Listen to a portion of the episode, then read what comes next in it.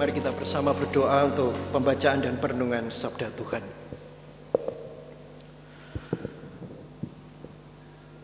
Sungguhlah kami bertanya di dalam hidup kami, apakah pujian dan nyanyian yang kami nyanyikan sungguh manis kedengarannya? Apakah itu menjadi perbuatan yang tulus dari dalam lubuk hati kami ya Tuhan? Ketika kami mempersembahkan suara kami dan bahkan hidup kami untuk Tuhan. Dan oleh karenanya saat ini ya Tuhan di pagi yang hening ini kiranya Tuhan boleh hadir untuk membuka setiap hati dan pikiran kami supaya apa pun yang kau taburkan di dalam firman-Mu ini juga menjadi rema di dalam kehidupan kami. Bersabdalah ya Tuhan, berbicaralah, sebab kami siap untuk mendengar dan melakukannya. Amin. Saudara yang terkasih, bacaan kita pada hari ini diambil dari Markus, pasalnya yang ke-12, ayatnya yang ke 38 hingga 44. Markus pasalnya yang ke-12 ayatnya yang ke-38 hingga ke-44. Saya akan bacakan bagi kita sekalian.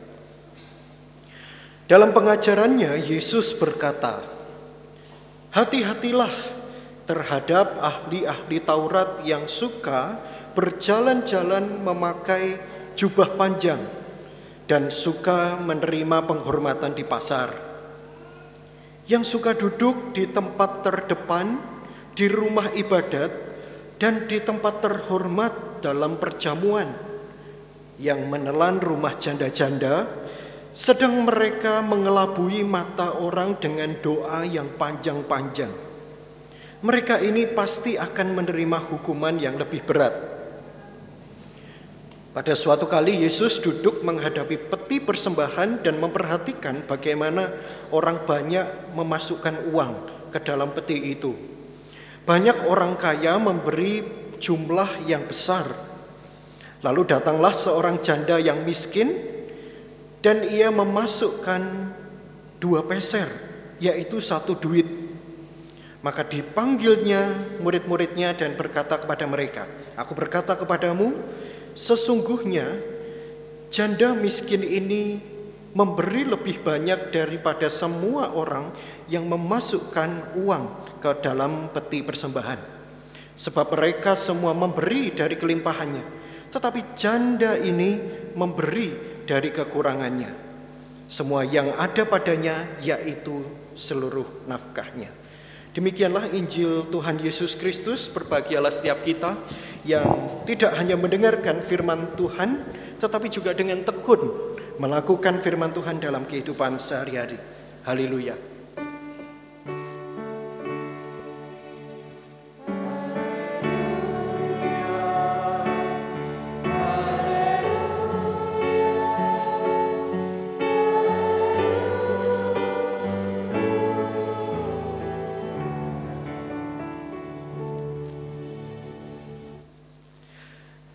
Terlebih dahulu kita akan menyaksikan sebuah video pengantar untuk kita.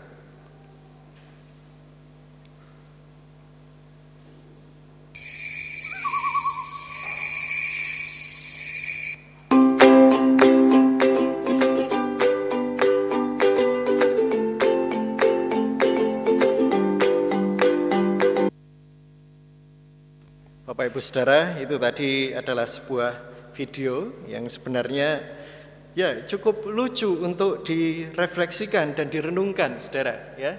Karena sampai kapan pun ya berapapun usia kita rasa-rasanya saya kira kita tetap uh, relevan dengan uh, apa yang dikatakan oleh uh, video itu tadi ya.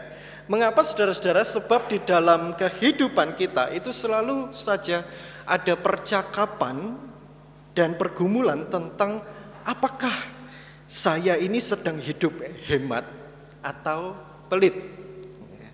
Kalau pelit itu rasa-rasanya memanfaatkan segala sesuatu supaya kita tidak rugi, begitu kan ya. Kalau bisa dibayari, kenapa tidak? ya. Tetapi kalau hemat, artinya dia bisa mengelola ya. untuk kebaikan dirinya dan bahkan juga untuk orang lain. Ya, Bapak Ibu Saudara yang hadir di dalam uh, kebaktian atau persekutuan uh, penutupan bulan keluarga yang lalu, Pendeta Sumon mengatakan hal yang sama kurang lebih. Ya. Cukup itu bukan hanya tentang diri sendiri. Cukup itu selalu untuk semua orang. Ya. Di sana dikatakan demikian. Ya. Kira-kira orang terkasih kita bisa jadi itu kekasih kita, orang tua kita, anak kita, kira-kira hemat atau pelit. Benar bila ada pepatah yang mengatakan bahwa uang itu bukan segala-galanya. Tetapi segala sesuatu itu butuh apa Bapak Ibu? Uang. Ya, segala sesuatu butuh uang. Memang dengan kehadiran orang tua, anak maupun hadirnya kekasih kita, mereka semua ini adalah kebahagiaan yang tidak ternilai. Namun untuk membahagiakan mereka, menghidupi mereka, dan bahkan merawat mereka semuanya itu butuh apa yang namanya uang. Jadi kita pun perlu memikirkan saudara-saudara bagaimana kita ini hidup. Bagi orang bijak tentu akan berpikir saudara-saudara dan kemudian e, melakukan ya terhadap uangnya supaya dia ini bisa memberkati orang lain. Ya. Dan bahkan membuat segala sesuatunya ini menjadi baik adanya. Tetapi bagi orang yang menganggap uang itu adalah segala-galanya, maka dia akan hidup secara material.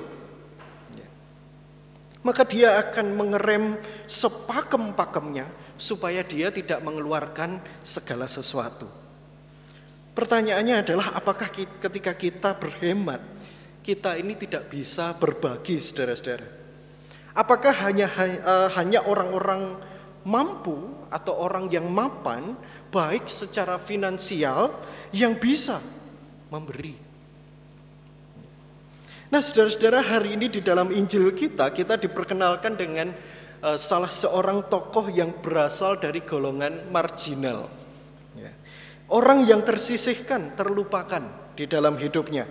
Orang yang sering kali tidak dihormati, yaitu seorang janda miskin menjadi janda saja saudara-saudara pada zaman itu sudah tersisihkan.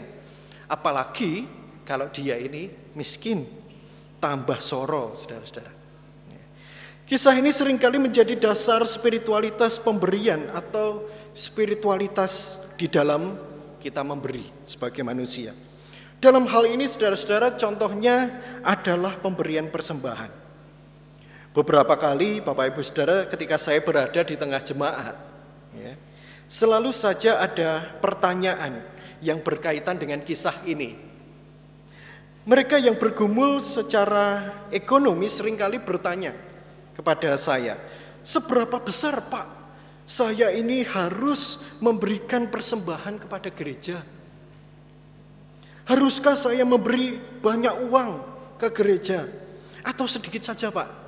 Seperti lagu sekolah minggu itu ya ya, yang biasa kita nyanyikan ya atau anak-anak kita nyanyikan itu.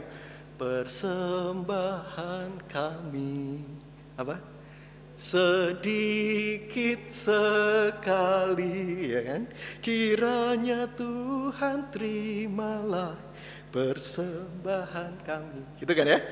Ini lagu saudara-saudara oleh beberapa pendeta GKI dikecam sebenarnya ya sesat ini lagu ya ini belum tentu baik untuk dinyanyikan apalagi oleh anak-anak yang masih berusia muda, saudara. Mengapa? Ya, saya berikan alasannya. Tentu bukan soal persembahan yang sedikit atau banyak. Tetapi secara tidak langsung saudara-saudara kita ini sedang mengajarkan kepada anak-anak kita ya, bahwa persembahan itu hanya soal kuantitas. Nah pertanyaannya Bapak Ibu Saudara persembahan di dalam ajaran GKI yang uh, kurang lebih kita kenal ada empat itu ya apa saudara-saudara persembahan ya persembahan apa yang pertama tenaga, ya. Lalu apa lagi? Pikiran, ya. Lalu ada uh, persembahan waktu. Dan yang terakhir adalah uh, persembahan sumber daya. Sumber daya ini bisa dalam bentuk uang atau barang. Ya, dari keempat ini saudara-saudara, persembahan itu sejatinya atau sebenarnya itu soal kuantitas atau kualitas, Saudara. Persembahan itu soal jumlah atau mutu, kira-kira demikian. Ya. Atau dua-duanya. Kalau yang kita pikirkan selama ini saudara-saudara hanya soal jumlah, hati-hati kita bisa salah menghayati. Yang nanti kita pikirkan dan kita ributkan adalah saudara-saudara, ya, berapa banyak pak? Aduh pak, saya ini sungkan, malu pak, beri cuma demikian, ya sekian gitu ya. Atau bahkan saya tidak bisa beri pak. Dan yang lebih parah lagi saudara-saudara, karena kita sudah mulai terikat dan dikendalikan oleh hadirnya uang, kita mudah sekali untuk menyunat pemberian kita pada Tuhan. Kita memberi dari sisa bukan sisih. Ya toh? Atau kalau persembahan ini soal tenaga waktu, ya, mungkin saja kita akan mudah sekali untuk bertengkar dan digoncangkan dengan persoalan, saya sudah memberikan tenaga saya pak, kenapa saya tidak dihargai? Saya kan lebih lama dari dia, saya sudah bergereja sekian tahun lamanya, tapi kenapa saya ini tidak dihargai? Kemudian kita patah arang, hilang semangat melayani. Karena apa? Karena yang kita pikirkan tentang persembahan itu hanya soal jumlah.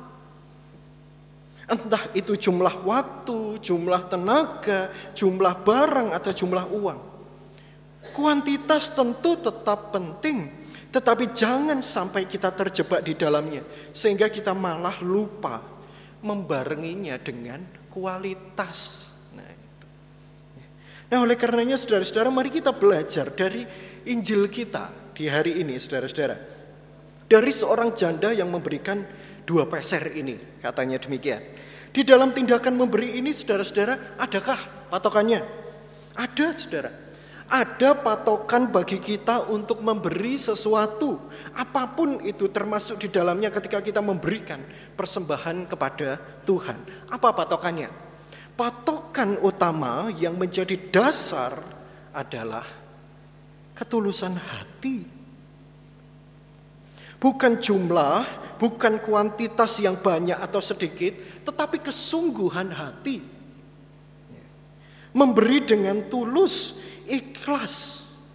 Atau kalau dalam bahasa uh, Indonesia, ya, kamus besar bahasa Indonesia ini lebih dalam lagi. Tulus itu artinya bersih hati, jujur, suci, tidak ada kepura-puraan. Atau yang Yesus ingatkan saudara-saudara, tidak munafik. Tidak seperti beberapa ahli Taurat pada waktu itu yang hidup di dalam kemunafikan, saudara. Mereka ingin dipuji, mereka ingin dihormati, mereka ingin disanjung seumur hidupnya.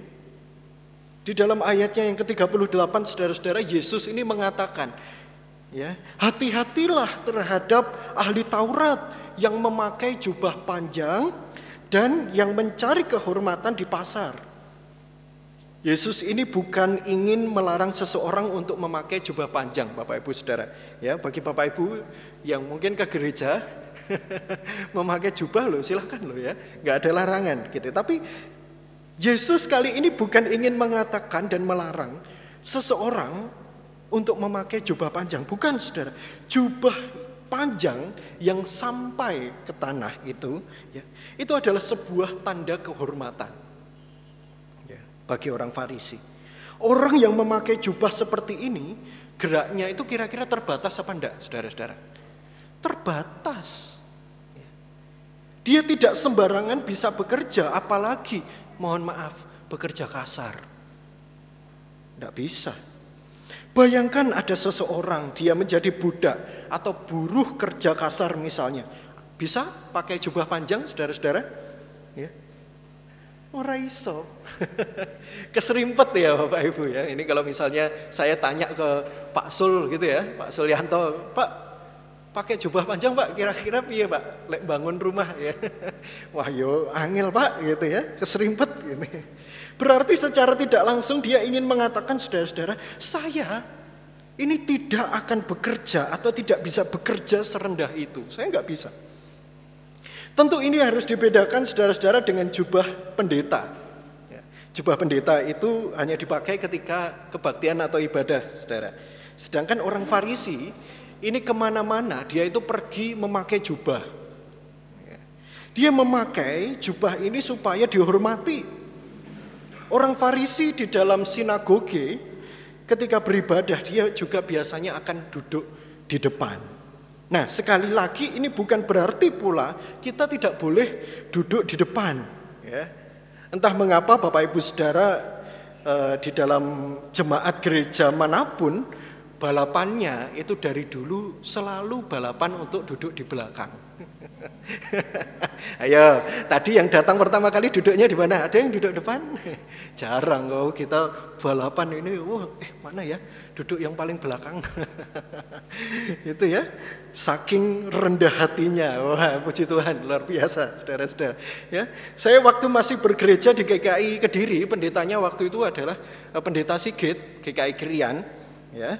Ibadah pemuda kami itu tidak akan dimulai kalau tidak ada yang mau duduk di depan. Kalau depan kosong saudara-saudara, Pak Sigit ini dari apa?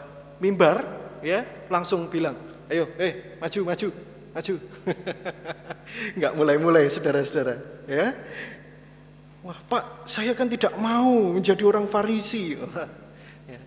Bukan ya, saudara-saudara. Yesus bukan ingin melarang kita untuk duduk di depan, bukan soal letak duduknya, saudara-saudara. Ya, bukan berarti pendeta, majelis, jemaat ini ya, atau petugas ini tidak boleh duduk di depan, saudara-saudara. Ya, bukan demikian.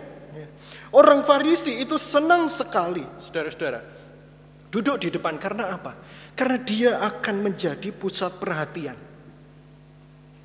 Ketika dia duduk di depan, berarti dia sedang mendapatkan kehormatan. Mereka senang diperhatikan banyak orang.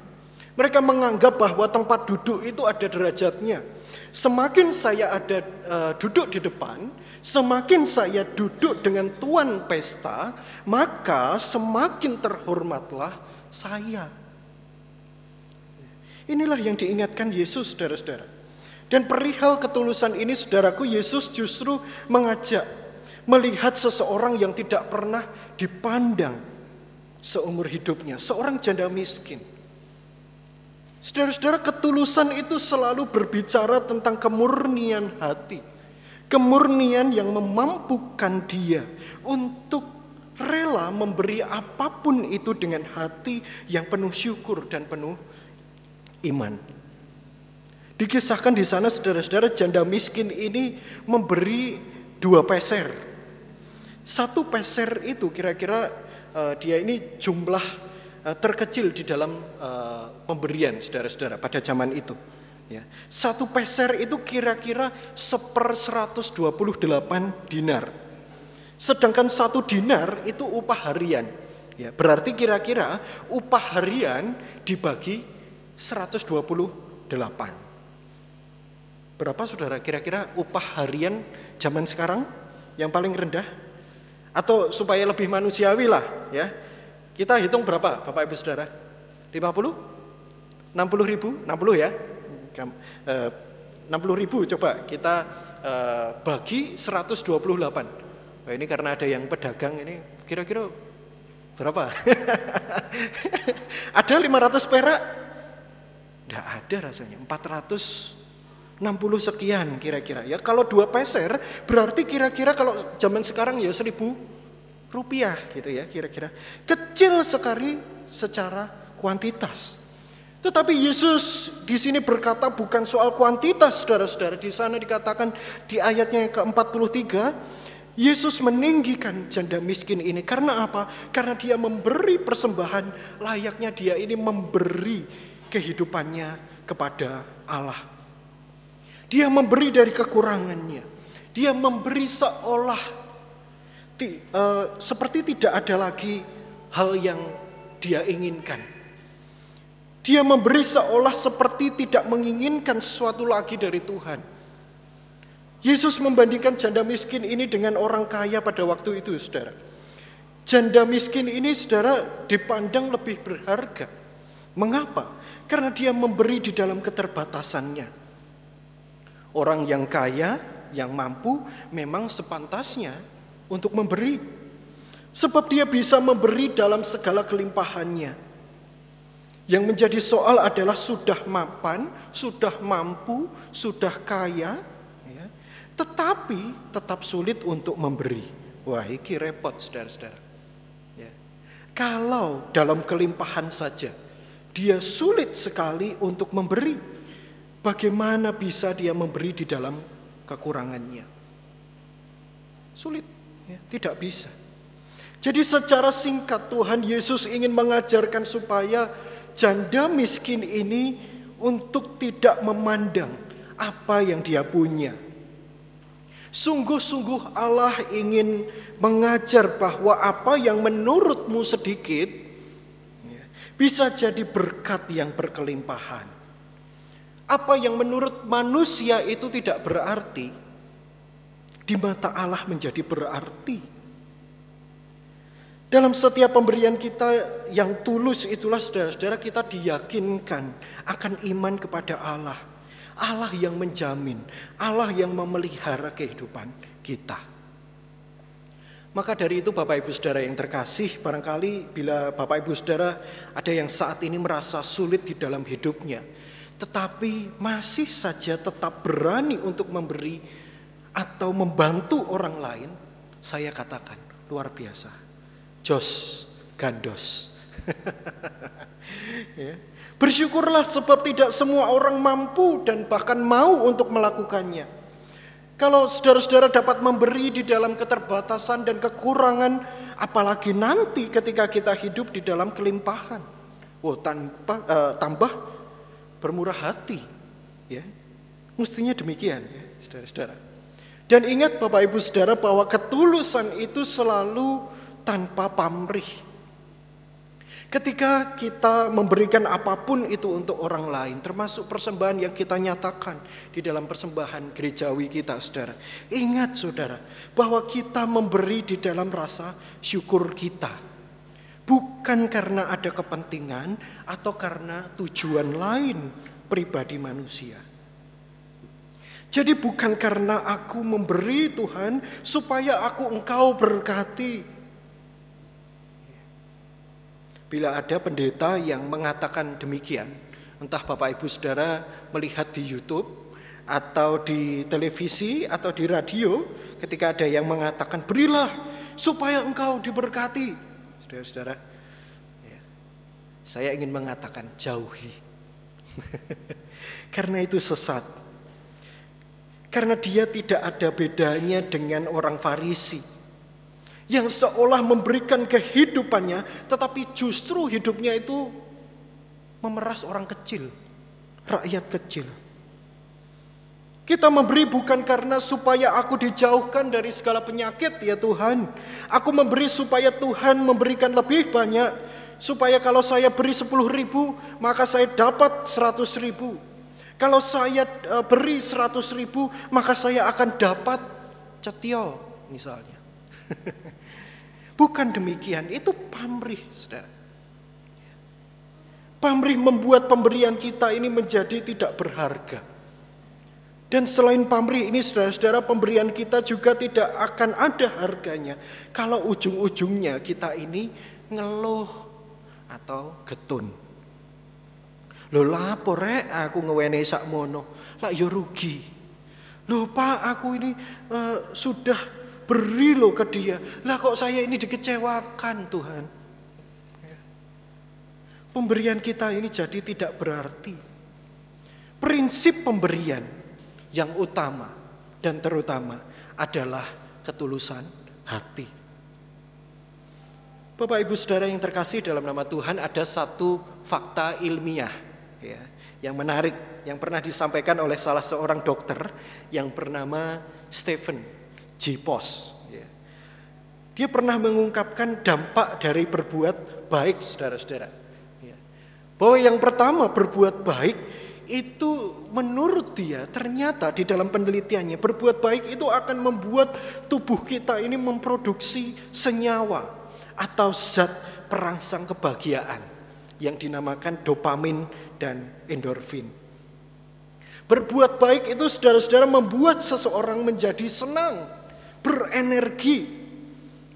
Zat ini akan muncul ketika kita membantu orang lain, ketika kita mencintai orang lain, ketika kita bermurah hati kepada orang lain.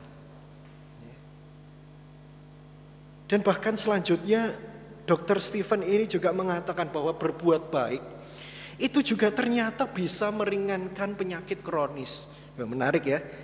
Karena tubuh kita ini akan memproduksi zat yang dinamakan zat oksitosin.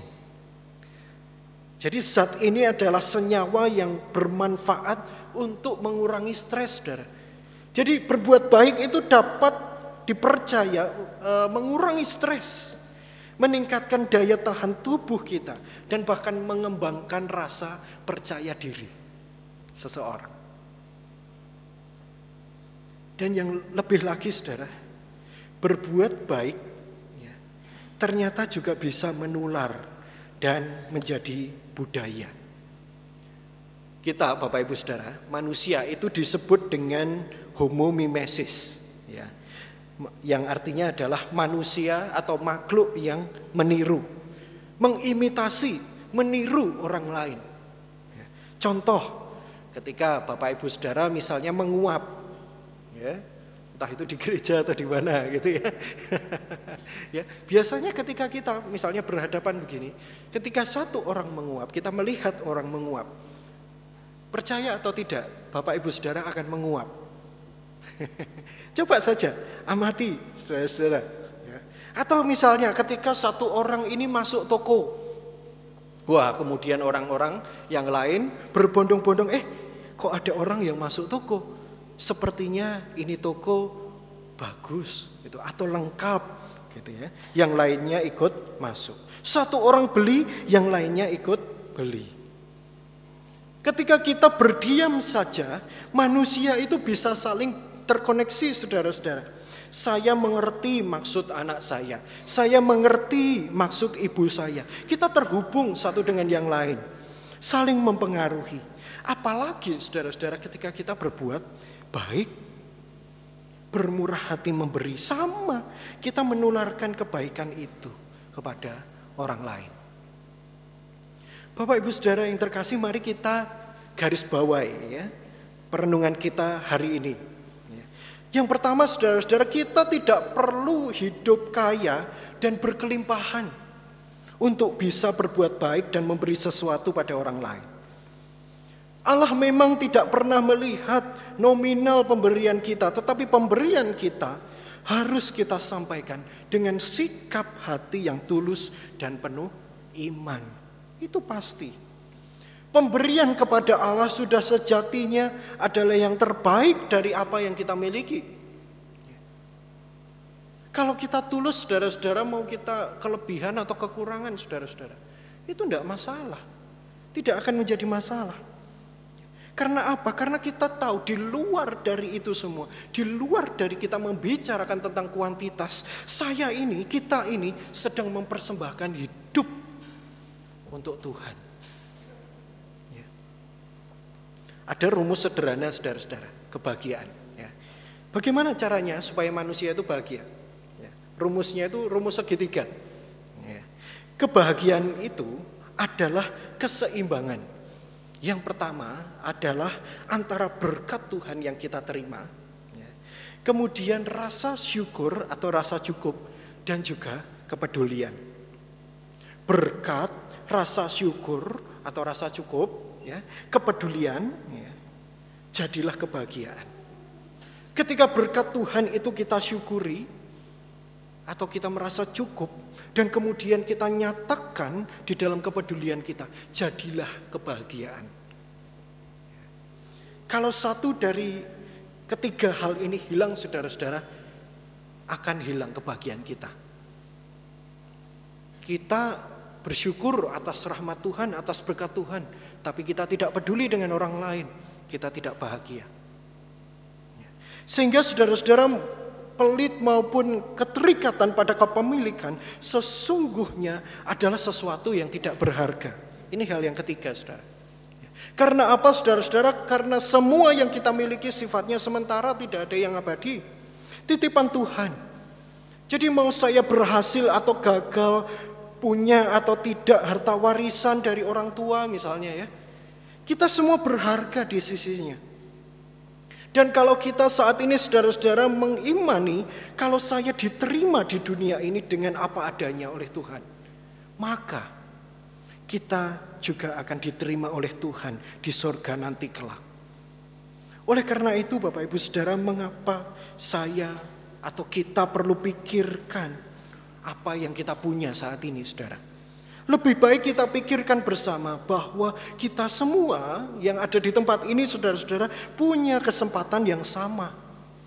Kesempatan apa? Kesempatan untuk berbuat baik, kesempatan untuk bermurah hati, kesempatan untuk memberikan persembahan diri setulus-tulusnya, sebaik-baiknya.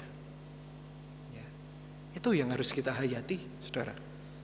Jadi, mari kita berlomba ya bukan untuk memberi sebatas kuantitas ya bukan soal itu namun memberi dengan kualitas yaitu memberi dalam segala situasi kehidupan dengan hati yang tulus dan juga hati yang penuh iman kepada Allah. Kiranya Tuhan memberkati kita. Amin. Mari Bapak Ibu Saudara kita bersatu dalam doa syafaat dan kemudian kita akhiri dengan nyanyian Bapa kami.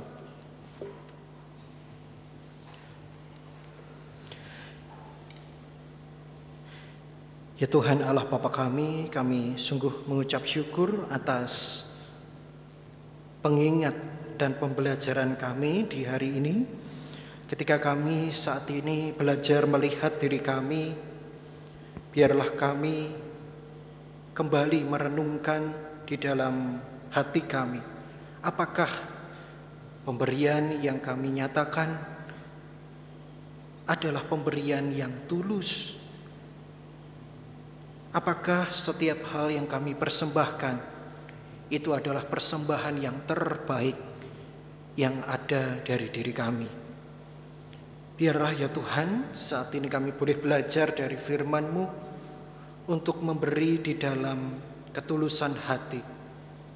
Sehingga ketulusan itulah yang akan memampukan kami untuk belajar hidup bijaksana dan bahkan menaruhkan setiap pengharapan kami hanya kepada Tuhan. Jadikanlah kami pembawa berkat di mana pun dan kapan pun kami melewati kehidupan kami masing-masing Biarlah ya Tuhan saat ini kami juga mau untuk lebih lagi memberikan diri kami sepenuhnya untuk Tuhan. Kami juga berdoa untuk pergumulan gereja kami supaya kami semua saat ini ya Tuhan di dalam arah perubahan pelayanan kami Tuhan yang juga akan tetap memberkati kami. Kami yang barangkali belum terbiasa kami yang barangkali masih kesulitan menyesuaikan. Tapi kami percaya bahwa ketika Tuhan hadir, Tuhan akan memampukan kami untuk terus belajar akan kehidupan kami. Berkatilah setiap orang yang terlibat di dalam pelayananmu di tempat ini. Kami juga berdoa bagi setiap orang yang kau pakai, kami semua yang berkarya di berbagai tempat di dalam pekerjaan kami masing-masing, di dalam pengabdian kami masing-masing. Kami berdoa untuk setiap rumah sakit, kami berdoa untuk setiap sekolah, panti asuhan di mana pun mereka berada di tengah segala pergumulan yang ada. Mampirlah Tuhan. Kami juga berdoa bagi bangsa dan negara kami. Kiranya Tuhan juga menolong kami untuk senantiasa tetap bersama, utuh dan bersatu sebagai satu kesatuan negara kami. Jauhkanlah kami ya Tuhan dari segala hal yang akan menggoncang kami ataupun menghancurkan kesatuan bangsa ini. Jadikanlah kami dari setiap suku, agama, atau apa pun itu identitas kami masing-masing. Biarlah kami berkarya bersama-sama. Juga bagi kami yang saat ini masih bergumul di dalam ekonomi kami, masing-masing di dalam relasi keluarga kami ataupun relasi dengan saudara, teman-teman, rekan kerja ataupun yang lain. Kami yang merindukan hadirnya seorang anak atau pasangan hidup. Kami yang kesulitan di dalam pekerjaan maupun pelayanan kami. Oh ya Tuhan berkatilah dan lingkupilah kami. Pada akhirnya biarlah kami juga berdoa dan menyerahkan setiap kehidupan kami hingga pada malam hari nanti. Biar Engkau sendiri yang berkuasa di dalam kehidupan kami. Di dalam namamu Tuhan kami Yesus Kristus, Tuhan yang telah mengajar kami berdoa.